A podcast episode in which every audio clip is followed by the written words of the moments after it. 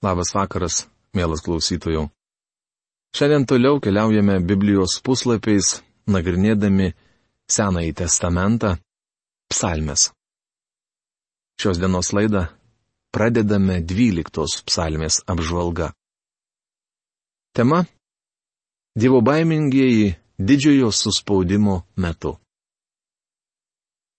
Kaip pranašystė, ši psalmė panaši į ankstesnėsias. Tai, kas čia rašoma, išsipildys tuo met, kai Izraelio likuti, o taip pat ir dievo baimingus pagonių kilmės tikinčiuosius, užklups didysis suspaudimas. Pirmoje eilutėje skaitome, kad tomis dienomis žmonės bus nutolę nuo tikėjimo. Izraelis, kaip ir bažnyčia, bus nusisukę nuo dievų. Gelbėk viešpatie, nebėra ne vieno teisuolio. Ištikimi žmonės pradingo tarp mirtingųjų. 12 psalmės antra eilutė. Šiandien lengva išsiugdyti Elijo kompleksą ir dėjoti, likau vienas, daugiau nėra kas stovėtų dievų pusėje. Šis kompleksas kamuoja ne vieną krikščionį. Žvelgiant į mūsų supančią bedievystę, gali susidaryti toks įspūdis. Tačiau jis neteisingas. Visi meluoja. Kaimynas kaimynui kalba pataikūnėmis lūpomis ir veidmai neširdimi. 12 psalmės trečia eilutė. Šiandien krikščionys privalo kalbėti tiesą.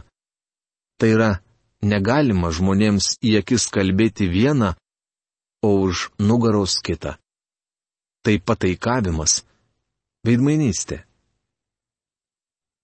Te užšiaupia viešpats lūpas pataikūnės, te sulaiko kiekvieną liežuvį pagirūną, sakantiems, liežuviu gausime, ko norėsime. Mūsų ginklas - lūpos. Kas gali mums viešpatauti? 12 psalmės 4-5 eilutės. Šios psalmės autorius peikia išpuikėlius, kurie sako, kalbėsime, kas mums patinka. Nesunku pastebėti, kad vis labiau nuo tikėjimo tolstančioms bažnyčioms būdinga tokia puikybė. Judas pranašavo apie būsimą atsimetimą. Jie visada niurzga, nepatenkinti savo dalę, gyvena geismais. Jų lūpos kalba puikybė žodžius, jie pataikauja žmonėms dėl pelno. Prašoma Judo laiško 16 eilutėje. Kitaip tariant, atsimetėliai tai yra gauja melagių. Toliau vaizduojami Dievo žmonės. Kadangi jie plėšia vargšus ir beturčiai aimanuoja, dabar aš pakilsiu, sako viešpats, ir suteiksiu saugią vietą tam, kuris jos ilgisi. 12 psalmė 6 eilutė. Kitaip tariant, aš apsaugosiu tą, prieš kurį jie pučiasi. Šiandien priešas šnopuoja ir šniokščia it vilkas apie tris paršiukus. Kai pamenate, du paršeliai neteko savo namų, nes didelis piktas vilkas juos nupūtė. Tačiau trečio paršelio namai stovėjo kaip stovėję, kad ir kaip stipriai vilkas pūtė. Pasaka apie tris paršiukus iliustruoja tai, ką čia rašo Dovydas. Dievas sako, aš apsaugosiu tą, prieš kurį jie pučiasi, paslėpsiu jį uolų plyšiuose, suteiksiu jam saugią vietą. Viešpatie žodžiai tyri lik sidabras, grinintas lydykloje, septynis kartus valytas. 12 psalmė 7 eilutė. Nedorėliai vieni kitiems giriasi ir pataikauja. Negalima tikėti tuo, ką jie sako. Tačiau viešpatie žodžiai tyri. Dėl to mums svarbu kuo daugiau laiko praleisti prie Dievo žodžio. Tai tvirtovė, į kurią mus trokšta vesti Dievas. Tu viešpatie mus ginsi, saugosi mus nuo šios kartos per amžius. Aplink visur nedoriliai bastosi, visi giria, kas tarp žmonių nedora. 12 psalmės 8-9 eilutės. Šie žodžiai tinka ir mūsų laikams, tačiau bus ypač prasmingi didžiojo suspaudimo metu. Paklausykite, ką sako pranašas Izaijas. Klausykitės viešpaties žodžio, kurie drebate nuo jo balso. Jūsų tautiečiai, kurie jūsų neapkenčia ir atstumia dėl mano vardo, šaipydamiesi sako, te parodo viešpat savo šlovę, kad galėtume jūsų džiaugsmu pasidžiaugti. Tačiau jie bus sugėdinti. Rašoma Izaijo knygos 66 skyriaus 5 eilutėje. Čia matome nuostabų paveikslą, kuriame manding vaizduojamas šventyklos garbinimo tarnavimas amžių pabaigoje Jeruzalėje. Viešpas Jėzus sakė jo suimti atėjusiems priešams. Dabar atėjo jūsų valanda - tamsybių siautėjimas užrašyta Luko Evangelijos 22 skyriaus 53 eilutėje. Dažnai mūsų priešai ima viršų. Tačiau Dievas neleis, kad jo vaikams kas nors nutiktų. 13 psalmi. Tema - Desperatiškas Davido maldavimas. Šioje psalmių knygos dalyje girdime daug maldavimų. Kaip jau minėjome, nuo 9 iki 15 skyriaus kalbama apie būsimą negandų laikotarpį. Didįjį suspaudimą, o taip pat apie tuo metu gyvensiantį antikristą ir Dievui ištikimą žydų likutį. Tai bus didžiųjų išbandymų laikotarpis. Šią psalmę Davidas rašė, remdamasis savo patirtais išmėginimais tačiau ji tinka ir mūsų dienoms. Psalmę galima aiškinti ir pranašiškai arba chronologiškai. Tokiu būdu mes sužinome, kas dėsis paskutiniais laikais, kuomet bažnyčia bus paimta iš žemės. Davidas šią psalmę rašė persekiojamas. Galbūt karaliaus Sauliaus. Galimas dalykas, Tuo metu jis slėpėsi Adulamo oloje, tuo tarpu Filistinai siekė jo gyvybės. Diena po dienos jis būdavo beviltiškoje situacijoje. Šio vyro kūnas išsekęs, o protas bei širdis liūdi. Dovydas šaukėsi Dievo. Kiek ilgai viešpatie, nejau amžinai mane užmirši, kiek ilgai slėpsi savo veidą nuo manęs. 13 psalmės antra eilutė. Šie Davido žodžiai skamba labai pesimistiškai. Jis jaučiasi vienišas ir apleistas Dievo. Anot Deličio, čia girdime vieną ilgą atodusį. Kiek ilgai turėsiu pakelti skausmus, dieną iš dienos širdgėlą širdyje. Kiek ilgai mano priešas virš manęs viešpataus. 13 psalmės trečia eilutė. Davidas klausia, kiek ilgai tai tęsis? Jis be galo išsekęs. Davidas maldoje šaukėsi Dievo pagalbos. Pažvelk į mane ir išklausyk viešpatie mano Dieve, duok šviesos mano akims, kad mirties miegu neužmėgčiau. 13 psalmės ketvirta eilutė. Rašydamas šiuos žodžius, Davidas buvo mirtiname pavojuje. Jis bijojo užmerkti akis, nes priešas galėjo jį nužudyti. Tačiau jam žudbūt reikėjo poilsio. Taigi Davidas prašė, kad viešpats jį apsaugotų ir atsiųstų miegą. Neleisk mano priešui didžiuotis. Aš nugalėjau jį neleisk mano engėjams džiūgauti, kai suklumpu. 13. Psalmės 5 eilutė. Priešas būtų buvęs nepaprastai laimingas, galėdamas sučiupti Dovydą. Tuomet jis didžiuotųsi ne vien prieš Dovydą, bet ir prieš Dievą. Taigi Dovydas maldauja viešpati, kad jis neleistų priešui paimti viršaus. Po išgastingo ir liūdno atodusio, Dovydas meldžiasi toliau. Galiausiai atsiskleidžia jo nuostabus tikėjimas ir pasitikėjimas Dievu. Tai graži psalmė. Aš pasitikiu tavo ištikimų gerumu, mano širdis džiūgaus, nes tu mane išgelbėsi. Gėdosiu viešpačiui, jis buvo man geras. 13 psalmė 6 eilutė. Davidas nemanė esas pakankamai gudrus, kad galėtų pats išsisukti iš šios sunkios padėties. Žinoma, jis ėmėsi reikiamų atsargumo priemonių, tačiau žinojo, kad tik Dievas gali jį išvaduoti. Dievas buvo šio vyro išgelbėjimas.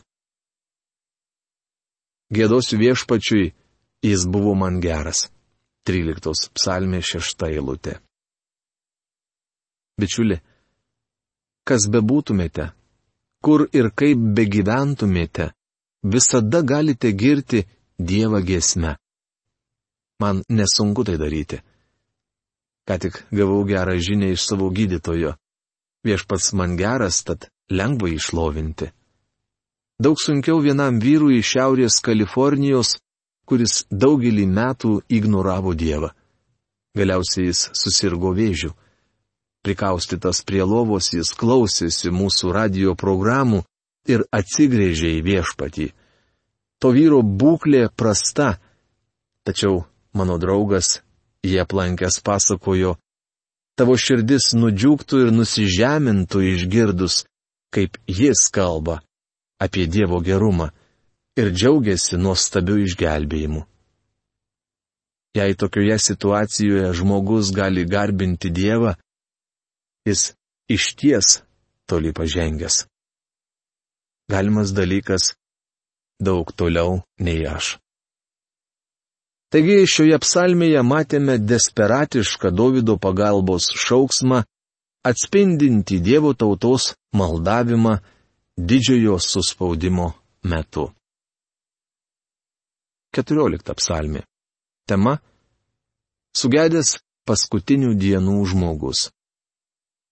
Ši psalmė susijusi su kitomis ypač 12 psalme. Kaip pamenate, Dvyliktoje psalmėje buvo aprašomas paskutinių dienų sugėdimas. Atrodė, dievo baimingų žmonių nebeliko ir valdžia atsidūrė bedievių rankose. Paplito ištvirkimas ir savivalė. Galbūt jums atrodo, kad čia vaizduojami mūsų laikai, tačiau, kaip sakoma, tai tik saldainiukai. Palaukite didžiojo suspaudimo. Beje, tikiuosi, jums neteks jo sulaukti. Mat Dievo vaikai, kalbu tik apie juos. Tie, kurie priklauso tikinčiųjų kūnui, nepatirs didžiojo suspaudimo negandų. Viešpats yra pažadėjęs, kad juos apsaugos nuo išbandymų valandos, kuri ištiks visą pasaulį, kad būtų išmėginti žemės gyventojai kaip rašoma apreiškimo knygos trečios skyriaus dešimtoje eilutėje. Bažnyčia, turiu omenyje tikrus tikinčiuosius, bus paimta į žemės prieš prasidedant didžiajam suspaudimui. Šioje psalmėje aprašomas amžių pabaigos sugėdimas ir blogis. Vyskupas Hornas šią psalmę suskirsti į tris dalis. Pirma. Pasaulio sugėdimas. Antra. Priešiškumas Dievo tautai. Trečia. Išganimo ilgesys ir maldavimas, kad viešpats greičiau sugrįžtų. Štai apie ką kalbama 14 psalmėje. Įtrumpa, bet labai reikšminga. Pasaulio sugėdimas. Kvailys savo sako širdyje - Dievo nėra. Tokie sugedę, jie daro šlikščius darbus, nėra ne vieno, kuris darytų gerą. 14 psalmės pirmą eilutė. Vertinys kvailys, kurį skaitome šioje eilutėje, hebrajiškai yra nabal. Tikriausiai šis žodis jums kelia šiokių tokių asociacijų. Mat Biblijoje minimas vyras vardu Nabalas, kuris buvo vedęs mielą moterį Abikailę. Jo istorija pasakojama Samuelio pirmos knygos 25 skyriuje. Vardas labai tiksliai apibūdina minėtąjį vyrą. Jis elgėsi kaip kvailys. Žodis Nabal gali būti verčiamas paprastas, paikas, neišmanėlis, lepšis, kvailys ar beprotis. Aš turiu labai sumanų draugą, kuriam puikiai sekasi kalbėti su ateistais. Sikijam būnant vyrų draugijoje vienas ateistas pareiškė, netikiu, kad yra Dievas. Žmogus neturi sielos ir nustimpa kaip šuo. Šis vyras siautėjo it pamišėlis. Palaukęs, kol grupelė ėmė skirstytis, mano bičiulis priejo prie to žmogaus ir tarė. Kiek suprantu, jūs sakotis esas ateistas. Išgirdęs tokius žodžius, Anas pažėrė dar vieną tiradą apie tai, jog dievų nėra. Mano draugas tarė, norėčiau jūsų paklausti. Biblijoje parašyta, kvailys sausako širdyje, dievo nėra. Žodis kvailys reiškia beprotis arba pamišėlis. Taigi, taip kalbėdamas apie Dievą, jūs arba buvote nenuoširdus ir norėjote įsiteikti aplinkiniams, arba esate kvailys bei pamišėlis. Norėčiau žinoti, kaip yra iš tikrųjų. Po šių žodžių smarkuolis apsigrėžė ir nuėjo savo. Turint tiek daug žinių apie visatą, Tik pamišėlis gali tvirtinti, jog Dievo nėra. Tyrimai rodo, kad visata funkcionuoja nepalyginamai tiksliau už bet kokį laikrodį. Bet to nėra ne vieno laikrodžio, kuris atsitiktinai būtų atsiradęs, visi laikrodžiai yra meistro rankų darbas. Visata, veikianti daug tiksliau nei laikrodis, liudija, jog yra visatos kūrėjas. Kvailys savo sako širdyje, kad Dievo nėra. Taigi mums atsiveria vis aiškesnis kvailio paveikslas. Trumpai apie jį jau buvo užsiminta dešimtos psalmės ketvirtoje eilutėje, kur skaitome. Anot jo širdies kėslų Dievo nėra. Taigi matome, koks sugedęs žmogus. Šiandien Daugelis universitetuose dėstytojaujančių filosofijos daktarų yra ateistai. Noriu labai atsakingai pasakyti, jog žemiausias sugėdimo laipsnis, kokį gali pasiekti žmogus, yra ateizmas. Taip byloja Dievo žodis. Jei netikite, kad yra Dievas, esate pamišėlis, beprotis, neturite nei gramo sveiko proto. Negana aukšto intelekto koeficiento. Mano kolegai dėstytojui turėjusiam filosofijos mokslų daktaro laipsnį neužteko nuovokos pasislėpti nuo lietaus. Siki žaidžiau su juo golfą, kai pradėjo lyti. Jis pažvelgė į mane ir paklausė, ką darysime? Tas vyras rimtų tonu prašė patarimo. Ką sveiko proto žmogus daro užėjus smarkiam lietui?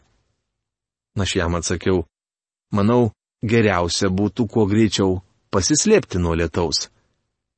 Net man buvo aišku, ką daryti, o jam atrodo ne. Taigi matote, mokslinis laipsnis dar nėra intelekto garantas tokie sugedę. Jie daro šlikščius darbus. Nėra ne vieno, kuris darytų gerą. Manau, sutiksite, kad dauguma ateistų yra dideli nusidėjėliai. Jiems būdingas bjaurus amoralumas. Vienas vyras, kuriam dažnai tenka bendrauti su universiteto dėstytojais, man sakė, neįtikėtina, kiek daug filosofijos mokslų daktarų, vadinančių save ateistais, gyvena visiškai palaidą gyvenimą. Kai kurie iš jų yra paprasčiausi iškrypėliai.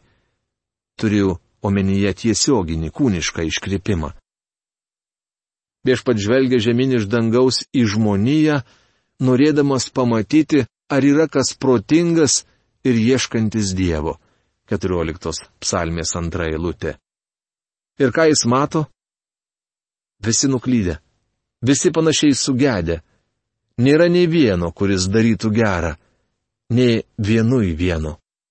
14 psalmės trečia eilutė. Paulius cituoja šiuos žodžius laiško romiečiams trečios skyriaus dvyliktoje eilutėje. Visi nuklydo. Visi nuėjo vėjais. Nėra kas darytų gerą, nėra nei vieno. Paulius kalba ne vien apie ateistus, bet apie visų žmonės. Bičiuli, tokie ir mes esame. Aš nesu ateistas ir nemanau, kad jūs esate. Tačiau visi mes nusidėjėliai. Mes nedarome gero. Žmogus sugedęs. Iš pirmųjų trijų eilučių matome, kaip žemai jis gali nusiristi.